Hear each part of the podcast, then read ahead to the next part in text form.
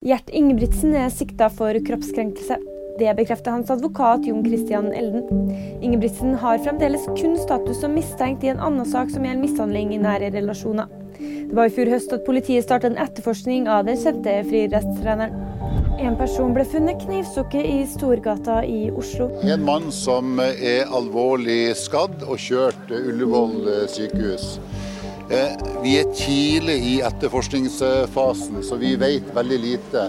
Eh, vi har ingen vitner til hendelsen. Eh, vedkommende ble funnet rett bak oss her på trikkeholdestedet. 26 av 27 EU-land ber om humanitær pause i Gaza. Det opplyser EUs utenrikssjef Josef Borrell.